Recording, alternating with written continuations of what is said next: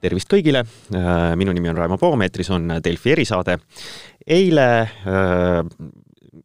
toimusid jälle koalitsiooniläbirääkimised, voor, arutati tervet rida teemasid, digiteemasid, kultuuri, aga ka haridust, mis oli üks põnev punkt, mida oodata, sellepärast et, et Keskerakonnal ja Reformierakonnal on selles osas retooriliselt olnud selgelt eriarvamusi. Ja äh, sealt äh, tuldi välja niisuguse sõnumiga, et, äh, et tehakse tegevuskava ja vaadatakse alusharidust kõigepealt ja tehakse asju samm-sammult ja lubati ka palju raha, aga mul on väga hea meel täna hommikul liinil omada Europarlamendi saadikut ja Keskerakonna juhatuse liiget Yana Toomi, tere hommikust! tere hommikust! ja ma küsiks selle kohta, et, et need ähm, sõnumid sealt olid niisugused no ütleme ausalt, ümarad äh, kogu selle hariduse ja hariduse keele kohta, et äh, kas äh, Te teate tänaseks natukene rohkem sellest, et mis seal siis nagu paika pandi või teate sama palju, kui eile siis ametlikult Mailis Reps ja Kaja Kallas kaamerate ees rääkisid? Äh, ma arvan, et äh, kõik teavad täpselt seda, mida nad eile rääkisid, äh, ka need, kes läbirääkimiste ruumis viibisid. meil on käes sõnastus, mis on tõepoolest päris ümmargune ja see pole üldse halb, sest haridusvaldkond on hästi selline tundlik asi ja teha seal selliseid teravaid, kiireid poliitilisi otsuseid ei ole üldse mõistlik mm.. aga mis see, mis see siis nagu, kui, kui nüüd seda siis nagu aru saada, püüda aru saada sellest, et, et kuhu poole siis asi liigub, et äh, nendest sõnumite pealt, et, et kuidas teie saate aru, mis siis paika pandi, mis siis otsustati, et, et kas, kas äh, Äh, siis kui räägime just sellest, et tehakse tegevuskava selleks äh, äh, hariduse ja hea eesti keele siis õpetamiseks alushariduses, et kas siis venekeelsed lasteaiad hakkavad üle minema eesti keelele? mina seda sealt välja ei lugenud ja see ei ole ka tehtav. Ma saan aru, et oli olemas Reformierakonna eelnõu, mis nõudis vist juba järgmisest aastast, kui ma ei eksi, üleminekut aga no olgem ausad, see, mida nõutakse opositsioonist, tihtilugu on päris elukauge ja see algatus oli täpselt samamoodi elukauge. selleks, et kuskile üle minna, on vaja eelkõige, õpetajaid, kellest on selge puudus.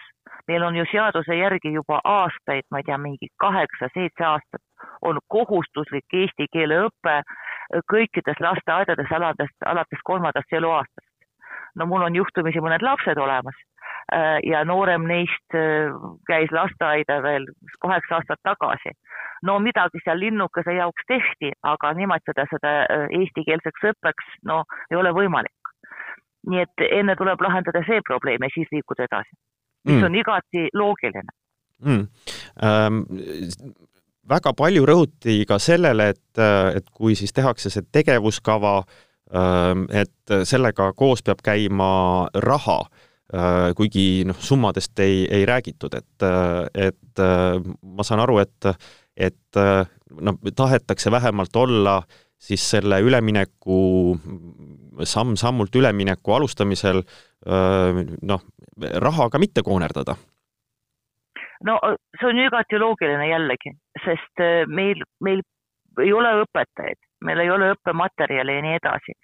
imelikul kombel, teate, mina õppisin vene koolis nõukogude ajal.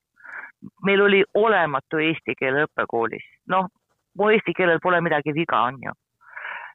aga ma vaatan, mis praegu toimub ja mulle tundub, et asi läks natuke hullemaks isegi äh, kohati lihtsalt kaadrit ei ole ja need, kes saavad õpetada eesti keeles ja eesti keelt, need eelistavad eestikeelseid õppeasutusi ka need venekeelsed on ikkagi püsti hädas.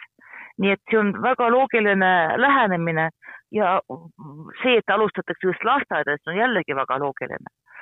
Äh, sest et kõik need hilised äh, üleminekud, see on muidugi kurjast.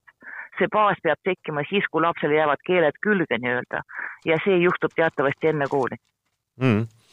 Ähm, aga seal kui niimoodi kuulasin seda eile, siis ähm, ikkagi mõlemad osapooled äh, rõhutasid seda või noh, nagu mainisid seda, et et, et ikkagi selleks, et Eesti ühiskonnast nagu maksimum inimese saaks välja võtta, vabalt tööd valida ja, ja, ja hakkama saada, et et lõpuks on ikkagi seda eesti keele, head eesti keele oskust vaja et ähm, kas see, see, see eesmärk äh, nii-öelda, kui ka pikalt võtta, on ikkagi õige?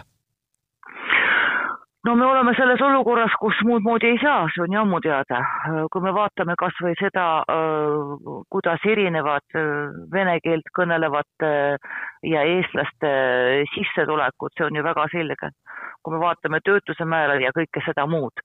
muidugi see ei ole ainuke põhjus ja mina ei leia ka, et see on õige, aga see on fakt, et kui sa tahad läbi lüüa Eestis, siis sa pead eesti keelt rääkima väga hästi mm. -hmm, mm -hmm aga kui see nüüd pandi niimoodi paika, et, et, et sisuliselt ikkagi detailid selguvad selle tegevuskava tegemises ja see peaks olema siis valmis sinna aprilli-maikuus, kui valitsus seda riigieelarve strateegiat arutab, et et kas, kuidas nagu selle tegevuskava paikasaamine tuleb, et kas sellest tuleb veel äh, meil palju juttu, et, äh, et kuidas siis äh, Keskerakonna ja Reformierakonna vahel see nii-öelda ähm, detailid kokku lepitakse, sest et noh, väga lihtne on ju öelda, et et teeme tegevuskava ja lähme praegu edasi, aga tegelikult see jätab ju noh, see need nii-öelda detailides kokkuleppimise õhku no on ju väga selge, et ühe päevaga ei ole võimalik üldse milleski detailselt kokku leppida.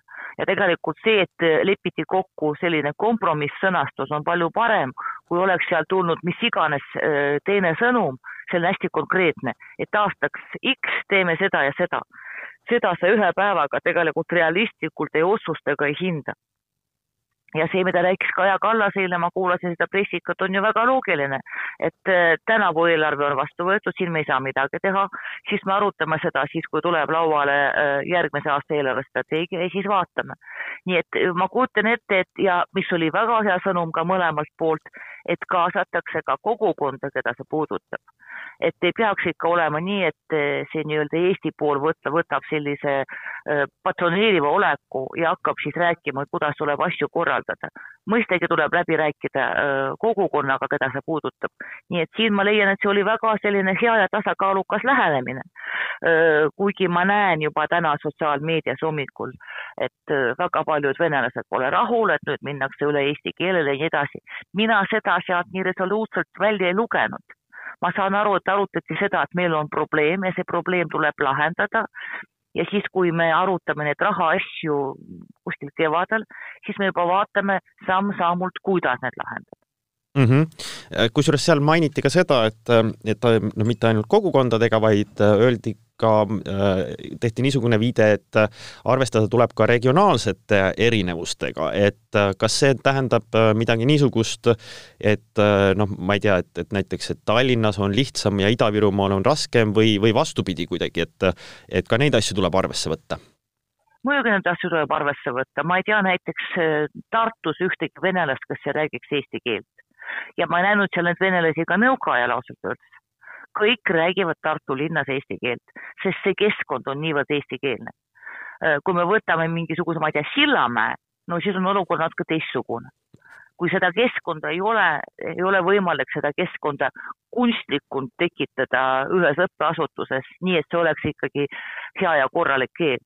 ja no veel kord, mu vanemad lapsed õppisid vene koolis enne seda kogu üleminekut ja nende eesti keel on parem kui minu noorema lapse oma, kes õppis Eestis koolis, noh, ta oleks praegu kaheksandas klassis, praegu ta õpib siin Brüsselis.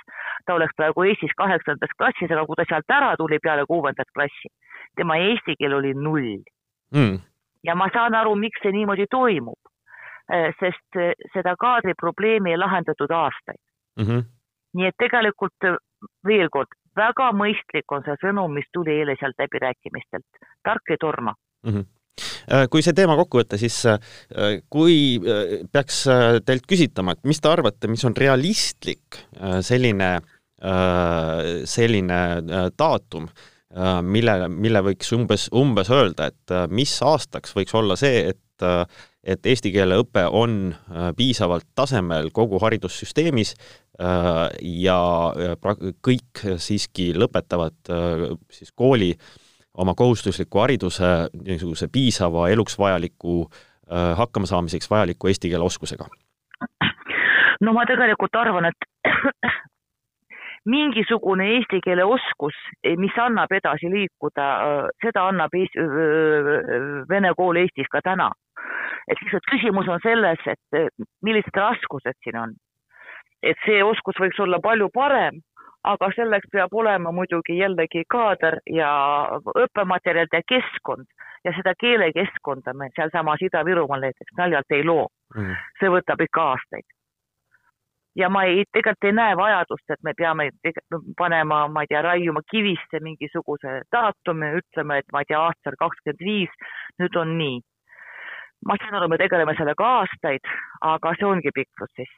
Mm. -hmm ma ühte asja veel küsin selle koalitsiooni kõneluste kohta, et, et üks teema, mis on teile endale väga palju äh, andnud äh, niisugust äh, Äh, või mida te olete väga palju käsitlenud äh, eri aastatel, on kogu see hallide passide küsimus ja selle lahendamine. ma, ma küsin nii lihtsalt, et et mis te arvate, kas selles koalitsioonis äh, Reformierakonna ja Keskerakonna vahel on võimalik äh, seda küsimust kuidagi äh,, kuidagi lahendada äh, argumenteeritult ja, ja vähemate emotsioonidega kui teistes koalitsioonides?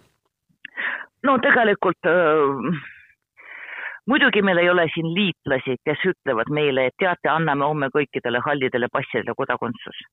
aga ma usun, et äh, just see saab olema äh, see mõte, mis tuleb lauale esimesena. ja siis me vaatame, kas on võimalik mingi kompromiss. aga sellegipoolest ma pean ütlema, vaatamata nendele maailmavaatelistele erinevustele, et ma jälgin seda koalitsiooni läbirääkimiste kulgu nagu suure rahulolega peale, peale seda, mida me kõik nägime siin viimased kaks aastat. Et ikka inimesed istuvad ja räägivad, ei räuska üksteise peale. Ja see on juba väga hea. Mm. -hmm nii, aga äh, tahtsin ka tegelikult teise teema kohta küsida, äh, mis äh, äsja aset leidis ehk siis natukene Venemaa kohta, et ähm, pühapäeval sõitis siis ajakirjanike täislennukiga tagasi Moskvasse Aleksei Navalnõi Äh, kes oli siis äh, Saksamaal äh, ravil peale mürgitamisjuhtumit augustis. siin ma vaatan, et Europarlament on, no muidugi ta siis peeti kohe lennujaamas kinni, nagu oli ka ähvardatud, et siin Europarlament on kutsunud üles, et, et ta viivitamatult vaba, vabastada ja ja vahistamise on hukka mõistnud ka ALDE partei, kuhu te kuulute. Et Äh, kuidas teie seda, seda, kogu seda Navalnõiga juhtunut nüüd äh, vaatate ja analüüsite? no esiteks Euroopa Parlament pole veel midagi mm, üles kutsunud, seda tehakse alles täna. Äh, meil on täna debatt sel teemal, on siis enne mm, Euroopa Komisjoni seisukoha avaldamine, siis on debatt, mm, siis me võtame vastu resolutsiooni, Renew poolt selle resolutsiooni mustandi valmistas ette Urmas Paet, ma lugesin selle just täna hommikul läbi. no ma ütleks, see on päris selline balansseeritud dokument. kui ma vaatan kõike, mis seal toimub, noh, olgem ausad, minu silmis Aleksei Navalnõi pole kunagi poliitik olnud. Nii. me kõik mäletame need, kes loevad need Vene, Vene lehti, kes noh, enam-vähem on kursis sellega, mis Venemaal toimub, ta ikka alustas väga imelikult. tema kuulus popaa kuskil New Yorgis oli see, et ta tegi nalja, et первый тост за holocaust. et ühesõnaga, see nagu ei teinud temast poliitikut, nüüd ta seda kahtlemata on. Äh, ja Putin imelikul kombel aitab sellele kaasa, et Aleksei Navalnõi on praegu Venemaa poliitik number kaks. Äh, ja me teame väga hästi, et seal, kus on autokraatlikud režiimid, kus inimestele enam ei meeldi nii-öelda poliitik number üks, siis nad kohe suunavad oma pilgud selle poliitik number kahe äh, poole ja kui Navalnõi poleks praegu tulnud tagasi Venemaale, eh, siis temast oleks saanud selline opositsiooni vaatleja, eh, nagu on saanud Garri Kasparovist või Mihhail Hodorkovskist mm. -hmm. ja seda ta endale lubada kindlasti ei saanud mm. -hmm. nii et see, et ta tuli, on igati loogiline, aga Venemaa võimudel oli ilmselt kaks võimalust. kas mitte märgata tema naasmist Venemaale ja sellega vähendada tema kasvavat poliitilist kaalu või siis teda arreteerida, mida ka tehti ja sellega see vastasseis muutus muidugi aina teravamaks ja ma vaatan praegu, mida seal tema kohta räägitakse. kuni selleni välja on juba mindud, et Saksamaa agent nagu omal ajal Lenin. Nii et läheb väga-väga põnevaks.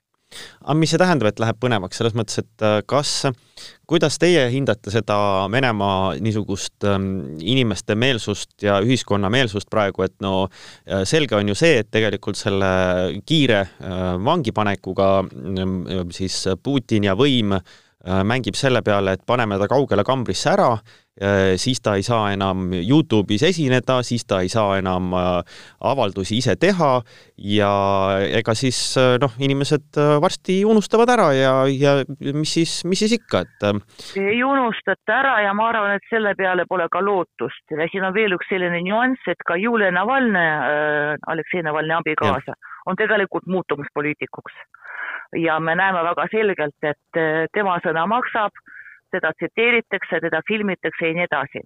et kui Tihhanovskõs, kes oli lihtsalt üks selline tagasihoidlik koduperenaine, sai mingi hetk opositsiooni sümbol, siis Julia Navalnõi on selleks palju rohkem eeldusi, olgem ausad. Mm.. nii et ma, ja ma usun, et seda äh, rehkendust pole isegi tehtud, mida mina näen praegu äh, igal pool äh, Vene ametlikus, ütleme, inforuumis, on selline terav vastasseis kurja läänega, kes saadab meile siia igasuguseid tegelasi ja toetab äh, kurat teab keda.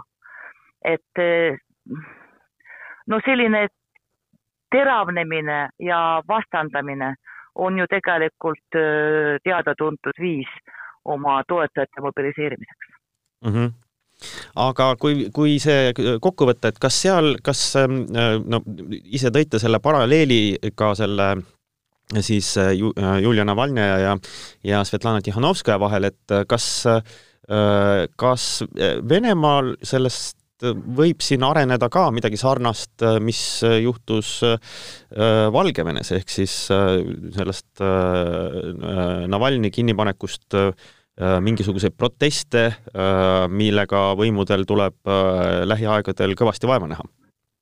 no nad näevad sellega kõvasti vaeva juba tükk aega, aga ma ikkagi tõmbaksin seda paralleeli, Valgevene on ikka väga väike võrreldes Venemaaga ja Navalnõi enne seda, kui kogu see jama temaga juhtus ja kui ta sattus Saksamaale, ta tegelikult oli populaarne suurtes linnades, ütleme pealinnades mm -hmm., noh, sest räägitakse, et Moskva ja Peterburi on kaks pealinna, siis seal Siberis kuskil suured linnad ja nii edasi. et tegelikult noh, liiga võib olla selline kauge. aga nüüd peale seda äh, ma usun, et kõik muutub. Äh, nii et äh, temast on teadlikult või mitte tehtud, nagu ma ütlesin, selline poliitik number kaks, kelle poole vaadata. aga samas noh, poliitiliselt mul pole õrna aimu, mida ta hakkab tegema, sest olgem ausad, kõik need protestid, kõik see tema leiutatud niinimetatud smart voting, mis ta siis eesti keeles ongi, tark hääletamine, see on ju sisuliselt, seal ju mingit agendat taga ei ole mm. -hmm. et äh, ta on selline ehtne revolutsionäär, et äh, saame lahti ja siis vaatame, mis edasi. et seal mingit plaani ei ole.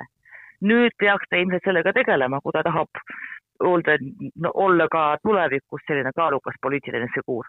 sest ainult protestist enam vist ei piisa just äh,. igal juhul äh, vaatame ka äh, meie põneva, kuidas siis Venemaal need põnevad sündmused äh, arenevad. aga aitäh äh,, Yana Toom, meiega täna olemast otse Brüsselist. tänud kutsumast! ja Delfi erisaade on eetris taas homme. kõike head!